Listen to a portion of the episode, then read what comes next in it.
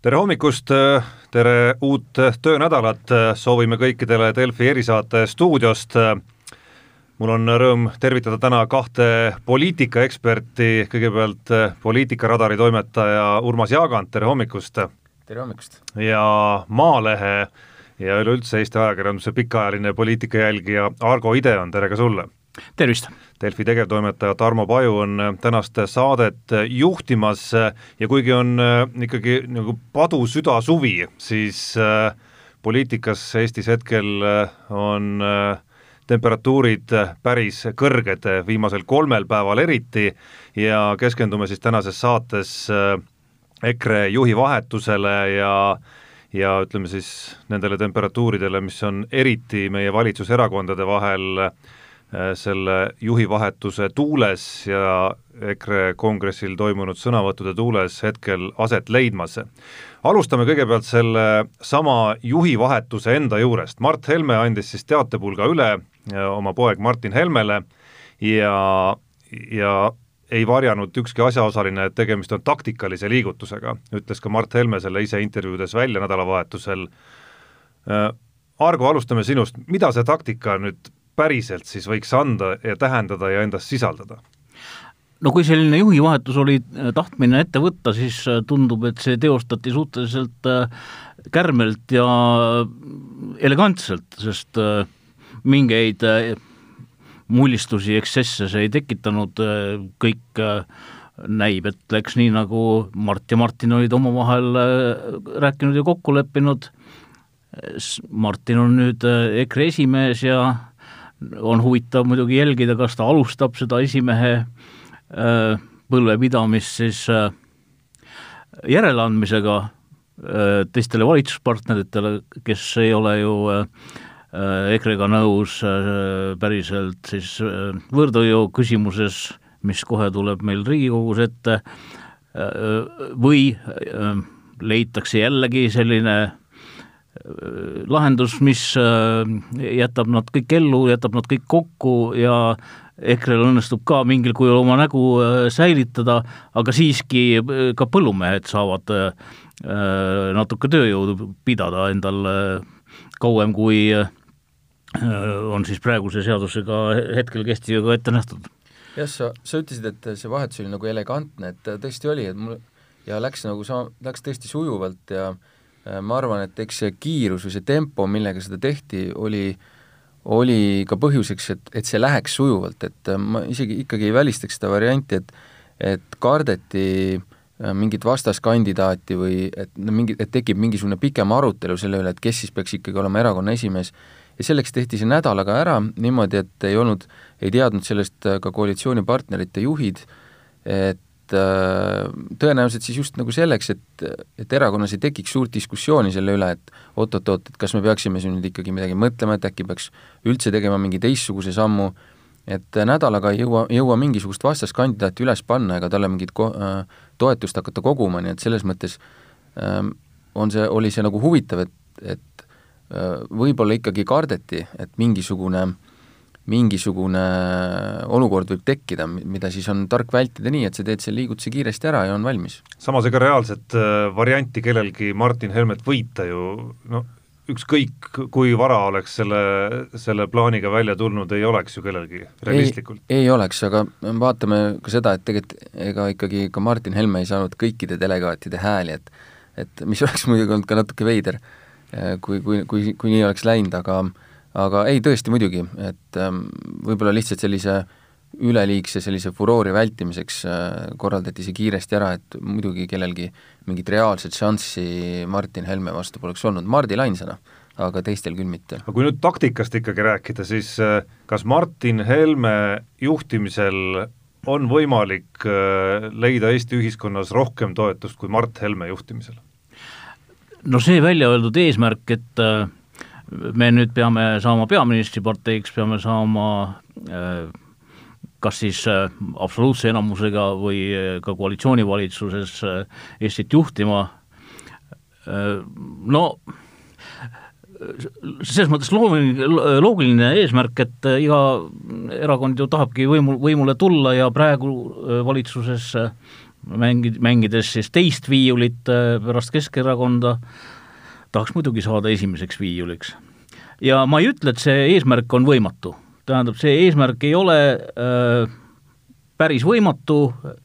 sest kolme aastaga võib juhtuda ükskõik mida äh,, küll aga ma ei näe, et EKRE-l oleks äh, pakkuda Eesti ühiskonnale no mingisugust äh, väga äh, erinevat või, või siis Keskerakonnast või, või ka Reformierakonnast tugevamat juhtimiskultuuri või, või ka meeskonda, sest pärast Marti ja Martinit on seal ikkagi minu meelest suhteliselt tükk tühja maad. Ja siis tul-, tulevad muud poliitikud äh, no kõik need ministritega jamad äh, valitsuses, mis on olnud, äh, äh, mitu korda on vahetatud IT-ministrit, põllumajandusministri vahetus, no see näit-, näitab, et lihtsalt ei ole see pink selline, mis lubaks tegelikult hetkel küll taotleda peaministri kohta. küll aga on EKRE šanss teises kohas ja see on see nõndanimetatud kultuurisõda, et juhul, kui see jääb nagu kestma, süveneb, need inimesed istutatakse sinna selle kultuurilise kaevikutesse, see on EKRE, EKRE võimalus tegelikult. Ja see on osa sellest võimalusest ja ähm, Eestis, eks tõenäoliselt see nii on, et kui sa oled sellise kitsama niši partei, siis su toetus sinna kahekümne protsendi juurde enam-vähem jääb, et see on tõenäoliselt niisugune suhteliselt lagi, et kui ma nüüd väga palju ei eksi, siis ka sellise nii-öelda Ansipi-eelse Reformierakonna toetus vist oli kuskil sealkandis, kui nad olid nii-öelda täis niisugune liberaalne erakond. et aga mida Ansip tegi selleks, et erakonna toetus hakkaks tõusma, ta laiendas seda pinda, hakati võtma selliseid noh, rahvuslikke teemasid, hakati seisma pensionäride eest, ühesõnaga niisuguseid sotsiaaldemokraatlikumaid toone võeti sisse ja siis õnnestus seda toetust nagu laiendada ja ma ei näe põhjust, miks EKRE-l peaks see kuidagi teistmoodi olema, et kui nad tahavad oma valijaskonda laiendada, siis peavad nad mm, kaasama suuremat hulka inimesi, selleks tuleb muuta oma sõnumeid ka nagu laiapindsemaks, et sa ei saa olla nii kitsas, kitsas nišis, nagu praegu ollakse, sest et ähm, tõenäoliselt nad tajuvad ka ise, et see lagi on suhteliselt käes ja kui vaadata neid reitingutrende, siis ta on küll liikunud, trend on olnud küll ülespoole väikeste üles-alla kõikumistega, aga aga tõenäoliselt nad tahavad rohkem ja kiiremini ja no Martin Helme juhtimisel äh, Ehm, ta on öelnud, et sisu, põhisisu ei muutu. no tõenäoliselt äh, ei muutugi, aga väga palju saab muuta sõnumitega. et kuidas sa mingeid asju ütled äh,, milliseid alltekste su sõnumid sisaldavad nii, et su valijad saavad asjadest õigesti aru ja need, kes veel ei ole su valijad, loevad sealt võib-olla välja natukene midagi teistsugust, et et äh, seal on see võimalus ja muidugi, kust nad valijaid saavad võita, kolm kohta, on need, kes praegu üldse ei vali, Keskerakonna valijad ja Isamaa valijad, et on võib-olla mingisugune, ei tegelikult pigem siiski mitte, Reformierakond vist pigem siiski mitte. EKRE eelkäija oli ju Rahvaliit ja e, ma mäletan veel ka neid aegu, kui Rahvaliitu veel ei olnud ja Rahvaliitu moodustati toonastest maaerakondadest. Ja minu meelest kõlas esimesel Rahvaliidu kongressil see mõte, et see erakond peaks olema äh, siis äh, rahvuslikum kui Isamaa ja sotsiaalsem kui äh, toonased, ma ei mäleta, kas nad olid, ilmselt olid veel mõõdukad. mõõdukad vist, ja äh, no ühesõnaga mõte, mõte, mõte oli üle võtta kõik äh, teiste erakondade nišid, ise saada suureks parteiks, noh, Rahvaliit lõpetas meil muidugi suhteliselt õnnetult, aga nendele varemetele on äh, isa ja poeg Helmed ehitanud äh, täiesti toimiva äh, valitsuserakonna, nii et äh, võib-olla need vanad äh, retseptid ka veel äh, ku-, kuidagi korjatakse üles. kas miski, mida Martin Helme rääkis nädalavahetusel äh,, andis siis konkreetsemalt aimu sellest, et kust neid, kust seda uut ja laienenud toetust minnakse võtma, et et ta rääkis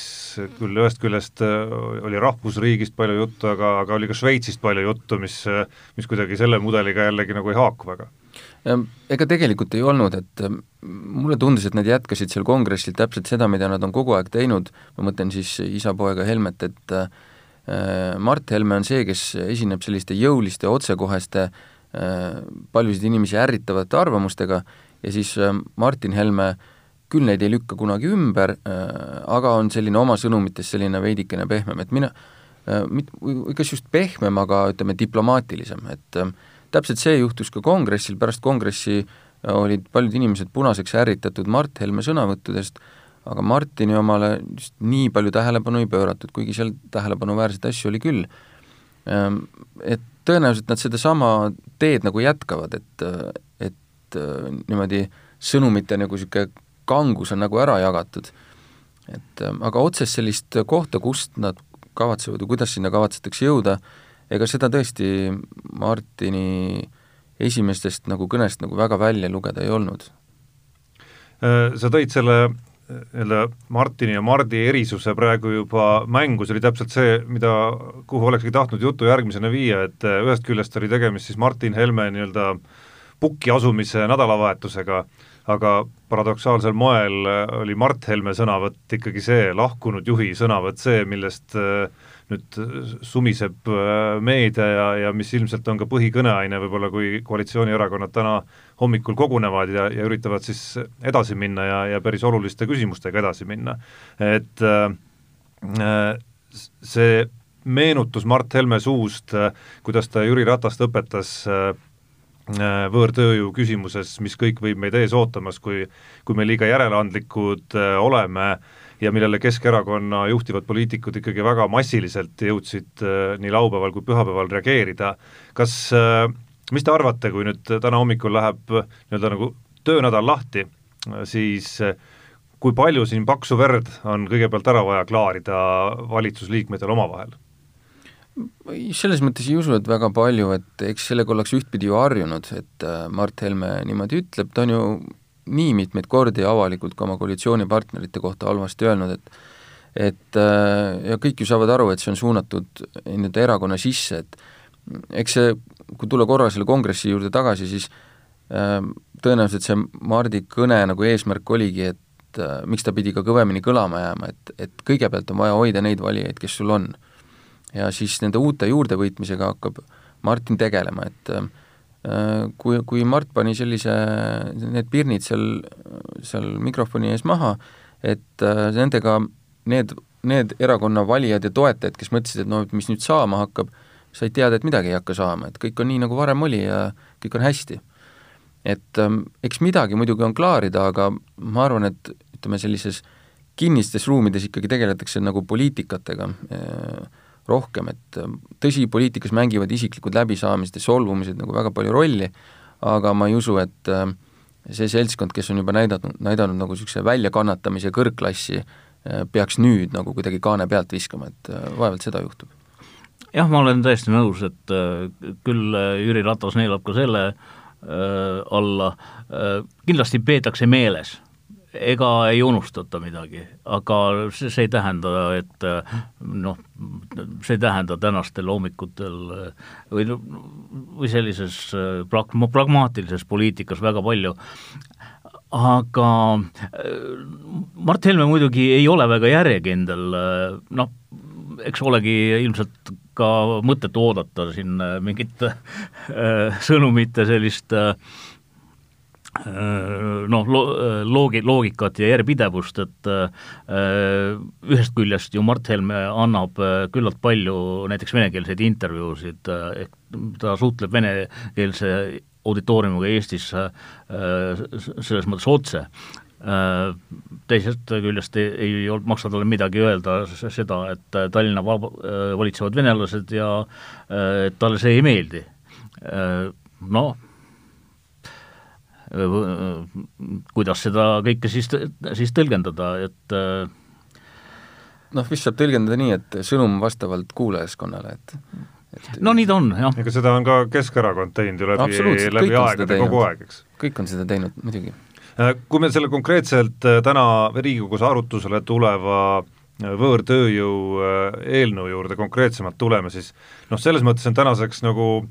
ütleme nagu hämamine lõppenud, et äh, kui oli siin kriisi kõrgpunkt ja, ja räägiti ja, ja EKRE ministrid rääkisid sellest, miks nad ei ole nõus tegema erandeid, et ukrainlasi saaks siia juurde tulla erandkorras, noh siis räägiti ikkagi nagu rahva tervisest ja koroonaviirusest ja ja sellest, et me kaitseme sellega siis nii-öelda tervet, tervise mõttes tervet Eestit, eks. et antud juhul, mis puudutab nüüd siinolijate lubade mitte pikendamist, siis noh, seda argumenti kuidagi nagu mängu tulla ei saa, et mõnes mõttes ongi maailma mõistes turvalisem äh, need Ukraina töölised pigem ikkagi nagu siin hoida. et, et nüüd on nagu selles mõttes ikkagi mask maas, et, et et räägitakse ikkagi ainult oma partei ideoloogiast lähtuvalt. jah, see on, see on selles mõttes ootuspärane, et eks see, eks see sinna suunda kogu aeg oli ja ei ole äh, EKRE-le need võõrtöölised kunagi meeldinud, kas nad töötavad kuskil ehitustel või laevadel või kus iganes, et äh, et äh, selles mõttes on tõesti nagu maskid maas, aga noh, probleemi see endiselt nagu ära ei ole lahendanud, et äh, et nüüd mulle tundub, et ka teised nii-öelda koalitsioonierakonnad, kes varem, kui see nii-öelda maasikakasvatajatest see asi pihta hakkas, maasikakasvatajad tõesti said siin nagu selliseks nagu sümboliks, äh, hästi värviliseks ja silmapaistvaks sümboliks, aga see probleem puudutab nagu palju laiemat äh, hulka inimesi ja, ja nüüd mulle tundub, et Keskerakond ja Isamaa on võtnud nagu hoopis teise seisukoha, kui neil varem oli, või õigemini varem see pigem nagu puudus. et ähm, nüüd on hakatud otsima äh, sellist nii-öelda alternatiivset lahendust, mis on muidugi huvitav, et see alternatiivini jõutakse absoluutselt viimasel hetkel. et seda oleks võinud juba kuud, kuude kaupa otsida, võib-olla otsitigi, aga tõenäoliselt siis mitte nii intensiivselt no üldse see kolmekümne esimese juuli tähtaja panemine, mulle tundub, et on täiesti selline äh, suur möödalask, sest no, oleks, oleks pandud kohe see tähtaeg aasta lõpuni, mitte millestki ei oleks täna rääkida, ei oleks äh, vaja üldse mingisuguseid pingeid valitsuses äh, nagu üles tõsta, aga nüüd nagu siis niimoodi jupikaupa noh, lõigata, lõigata seda saba noh, suhteliselt ebaõnnestunud minu meelest. no huvitav muidugi jälgida see, et kuidas siis põllumeeste ja üldse maa, maaelu selline hääl Eesti poliitikas on kõlanud läbi aegade, no pärast iseseisvuse taastamist äh, domineerisid ju Riigikogus meil maaerakonnad, neid oli hulgem, no põllumehe sõna nagu maksis. Aga tuleb välja, et noh, täna ei maksa ju põllumehe sõna peaaegu, peaaegu midagi, põllumehed peavad kirjutama kirju valitsusele. Äh, EKRE, kellel on põllumajandusministri koht, kes tuleb Rahvaliidust, kellel on paljud valijad maal, absoluutselt nagu ei koti, eks ole, äh, lihtsalt oma seda ideoloogiat äh, aetakse kogu, aetakse, ei meeldi võõrtööjõud, ei meeldi. Noh, eks siis näis, mis see lahendus, lahendus saab, saab olla, me hetkel sellel kella, kellaajal mina küll ei julge ennustada, mis saab. Äh, kui, kui sa juba tulid selle põllumeeste hääle juurde, siis äh, äh, nii-öelda poliittaktikaliselt jällegi, et et on see hea taktika EKRE-l üldse Äh, seda teed minna, et, et ühest küljest jah, kõnetatakse oma valijate nagu põhiväärtust sellega, et me ei taha siia võõrtöölisi, aga teisest küljest ikkagi põllumehed ja, ja, ja maainimesed võivad sellest päris kõvasti kannatada, kui kui suured põllumajandusettevõtted äh, nende tööliste puudumise pärast hakkavad kannatama. no ju siin on tehtud selline mm, üsna niisugune robustne kalkulatsioon lihtsalt, et neid, kellele võõrtööjõudu või asi, ma arvan, asi ei ole tööjõus, asi on selles, et lihtsalt võõrad, kellele võõrad inimesed Eestis ei meeldi, eh, nad ei taha neid siin näha, see hulk on lihtsalt suurem, kui on need põllumehed. et ähm, seal saab olla taga see kalkulatsioon ja noh, kui me oleme nagu ausad, ega siis tegelikult saame öelda, et ega see ei ole ju tegelikult kuigi jätkusuutlik äh, ärimudel tõesti, et et väljaspoolt tullakse, tu-, tuuakse tööjõudu sisse, kes teeb äh, mingi töö ära, aga kahjuks on see nii läinud ja, ja see on ka mujal nii ja meil ei õnnestu seda kuidagi, ütleme, me ei saa siin otsas keeta mingisugust teistsugust suppi, kui kui on ülejäänud katlas, et selles mõttes meil sellest nagu pääsu ei ole, et et äh, EKRE noh, nemad leiavad, et on, no me, eks me saame näha, et kui, kui siin nagu piiranguid edasi püsti hoitakse, et kas nende töötute seast leitakse inimesi, võib-olla ei leita, käisin hiljuti äh, Rõngus, kus ähm, ühele mu kolleegile sealne äh, ühe kaupluse pidaja ütles, et teeb seal juba mitmendat äh, päeva järjest mit-, mitut vahetust, et juba seal on olukord, kus inimesed ei tule tööle, kuna töötu Eestis, töötu abirahast, mis on tegelikult täiesti noh, äärmiselt pisike, on juba mõistlikum elada niisama, kui käia nagu igal hommikul vara tõusta ja teha pikki tööpäevi, et et juba seda, juba seda ei viitsita, nii et et kas, kas keegi tahab minna põllule, noh kindlasti neid on, aga ma arvan, et neid ei ole väga palju, nii et et sellest probleemist selles mõttes pääsu ei ole, aga EKRE tõenäoliselt on teinud, teinud jah, selle arvestuse, et et see põhimõte on meile olulisem no põllumajanduse tulevik kindlasti on automatiseerimine, digitaliseerimine ja robotitehnika, aga see kõik ei ole kohal homme päev ja ta ei ole, ja ta, ta ei ole homme veel põllul. See ongi see probleem. Kogu Euroopa elab selle suhteliselt odavalt makstud võõrtööjõu peal äh, Äh, hooajaliselt äh, nendes töödes äh, noh, mis, mida ei ole aastaringselt pakkuda, aga nagu näeme, Eestis on väga oluline ka näiteks Ukrainast pärit lüpsimasina operaatorite äh, roll, tegelikult need on robotid, need masin, masinad on, ongi juba robotid, nad äh, on väga, see on selline kosmosetehnoloogia, mis noh, kus, kuskil äh, Arnold Rüütli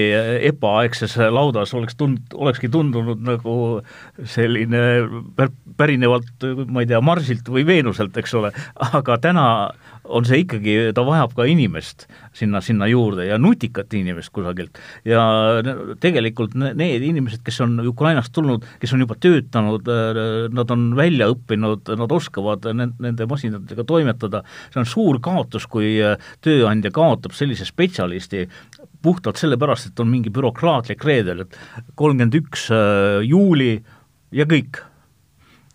kui, kui selle tänase päeva ja konkreetse eelnõu ja kolmekümne esimese juuli juurde tulla, siis eh, no Urmas, sa kirjutasid eh, ise eelmise töönädala lõpus siis eh, sellest noh, skeem kõlab võib-olla natuke liiga nagu pahamaiguliselt, aga aga sellest variandist, et, et lähebki opositsiooni eelnõu läbi, Keskerakond ja Isamaa toetavad seda, EKRE saab jääda oma seisukoha juurde ja ja justkui probleem on lahendatud, kõik on saanud oma näo ka säilitada Toomas Sildam kirjutas ka nädalavahetusel ERR-i portaalis, kus ta nimetas seda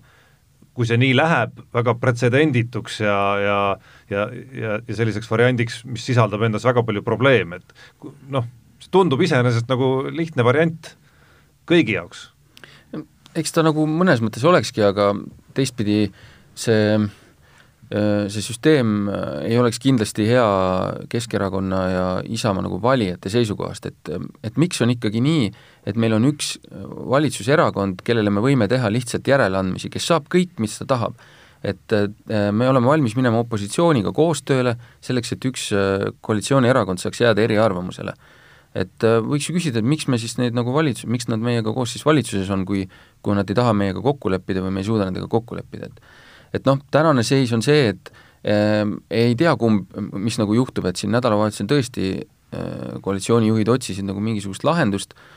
noh, ma ei tea, kuhu, ma praeguse hetkeks veel ei tea, kuhu jõutud on, äh, võib-olla on seal mingisugune muu lahendus, et selge on ju see, et ega see Reformierakonna ja sotside pakutud pikendamine ei ole ka ju mingi lõplik lahendus, selles mõttes on Seedril kindlasti õigus, et see, see on lihtsalt tõesti üks jupp veel sealt sabast ja äh, see probleem ei, ei saa kuidagi lahendatud, et et ähm, äh, mõnes mõttes see tõesti oleks nagu kõigile sobiv äh,, aga lihtsalt äh,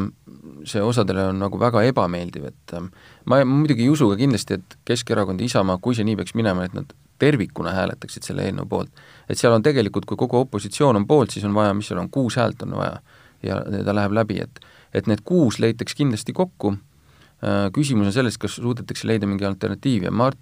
Martin Helme ütles ju kongressil väga, väga otsekoheselt, et tema ja, EKRE siin järgi ei anna. mina sain küll sellest nii aru, nii et et siis on mul väga keeruline, ainus lahendus, mis saab olla see, et äh, tänase tulemusena hääletatakse opositsiooni eelnõu maha, mis tähendab, et äh, siis on saanud EKRE absoluutselt kõik, mis nad tahtsid saada, ehk siis teised kaks koalitsioonipartnerit andsid järgi neile. ka nii võib minna aga kas ei või olla nii, et eelnõu hääletatakse maha, aga samas küsimus lahendatakse kuidagi ära nii, et äh, töötajad saavad äh, no kas või järjega kaks kuud ja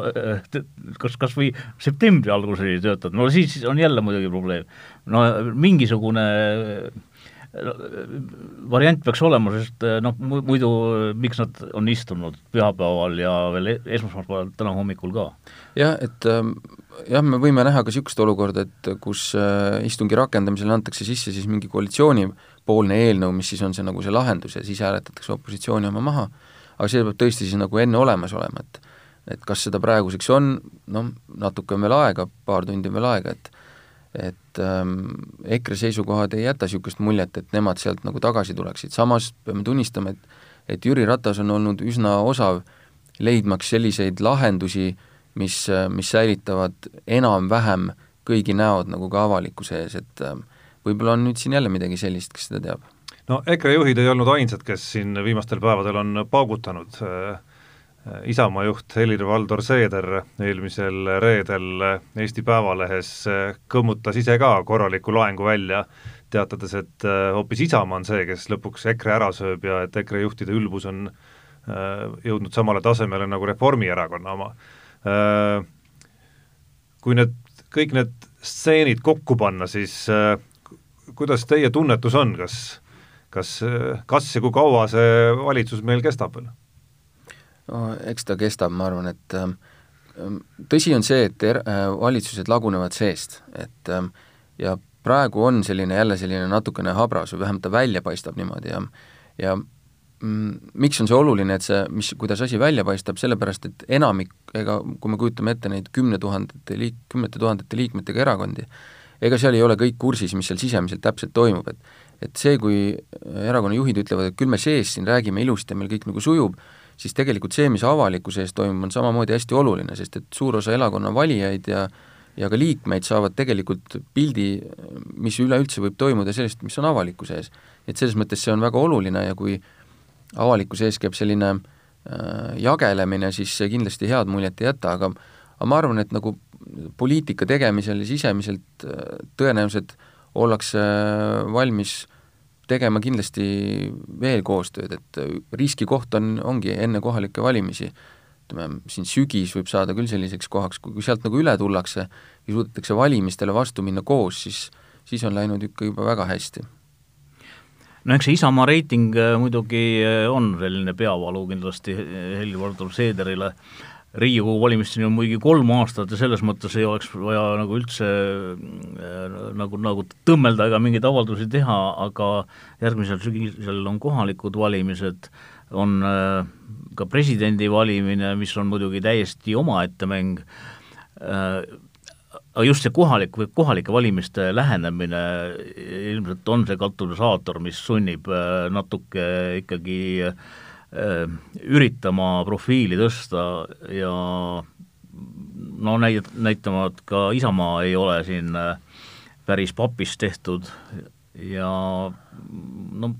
eks siis äh, näeme, kuivõrd see õnnestub, et te-, tegelikult ikkagi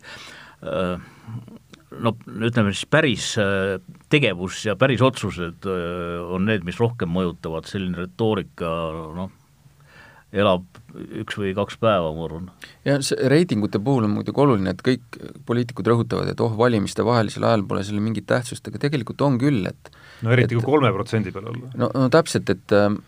erakond on selles mõttes, erakonna nii-öelda võim või mõjujõud on ju, on selline ajas nagu dünaamiliselt muutuv, et et kui sul on kolmkümmend, kolmekümne protsendi elanikkonna toetus, siis see on, see on argument. Et kui sind toetab kolm, kolm protsenti, siis noh, me ei tea, mis, ma võin kujutada ette umbes sellist mingisugust koridorivestlust, kus kus keegi, ütleme, emotsioonid lähevad natuke kõrgemaks ja keegi ütleb Seedrile, et aga keda sa esindad? et äh, sa tuled minuga siin mingil asjal vaidlema, et keda sa esindad, su rei-, su erakonna reiting on kolm protsenti, et äh, ära üldse tule minuga nagu rääkima. et äh, noh, võib, ma kindlasti utreerin ja ma ei ütle, et selline vestlus on kuskil toimunud, aga ma kujutan seda elavalt ette, et, et äh, selline ajas muutuv või see reitingu Äh, olemasolu ja mi-, kus see parasjagu asu-, asetseb, on kindlasti hästi oluline selleks, et et sul oleks seda jõuõlga, et oma, et oma asju nagu teha ja läbi suruda. et, et mul on inimeste toetus taga ja inimesed toetavad seda, mida ma tahan teha ja kui neid toetajaid on vähe, siis vabandust, aga keda see huvitab? No mina Seedrit maha ei kannaks küll, sellepärast et ei, ta, ta on äh, ju äh, ükskord toonud oma erakonna välja täiesti peaaegu nullseisust äh,, valimistel saanud hea tulemuse, saanud valitsusse, noh, selles mõttes äh, vaatame, mis ta järgmiseks välja mõtleb. aga ta elu oleks palju kergem, kui ta suudaks seda reitingut stabiilselt hoida seal kümne protsendi peale kõrgemal, et äh, muidugi on tore, kui valimistel läheb nagu hästi, aga see, aga alati hakkab erakonna sees, eriti kui valimised lähenevad, ikkagi inimesi hakkab häirima see, et kas meie toetus on ikka päriselt nii madal ja tehakse mingeid sisemisi küsitlusi, mida avalikkusele ju ei näidata, et me ei tea, mis numbrid seal on, et võib-olla seal on mingid teistsugused numbrid, mis annavad rohkem enesekindlust, no kes seda teab, aga aga lihtsalt, lihtsalt endal oleks oluliselt mugavam, kui suudetaks seda toetust tõsta ja see, see tõstaks ka erakonna nagu ideede nagu sellist kaalu ka avalikkuse ees, kui, kui sellel, nendel oleks suurem toetajaskond, et et selles mõttes see ei ole nagu tühine asi, aga Seedril võib kindlasti õigus olla, et, et nad on sellised tuhast tõusjad kogu aeg, senimaani tõesti on olnud, et kas see kestab ka edasi, ei tea, aga nende elu oleks kindlasti parem, kui, kui see ei oleks, kui see toetus ei oleks püsivalt nii madal, isegi kui saaksid selle trendigi ülespoole, see trendijoon vajub ikka allapoole, et kui ta oleks nagu poole protsendi kaupa kuus ülespoole, aga kindlalt ülespoole, siis juba see oleks ju neile väga hea. No nende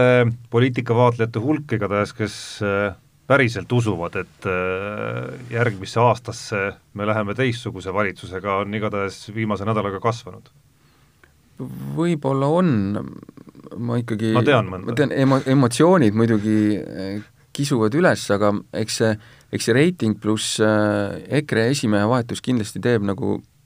inimesi närviliseks, et et EKRE isegi ei varja, et nad, et nende vaenlased on mitte opositsioon, vaid on koalitsioonis olevad erakonnad ja nendelt tahavad nad toetajaid üle lüüa.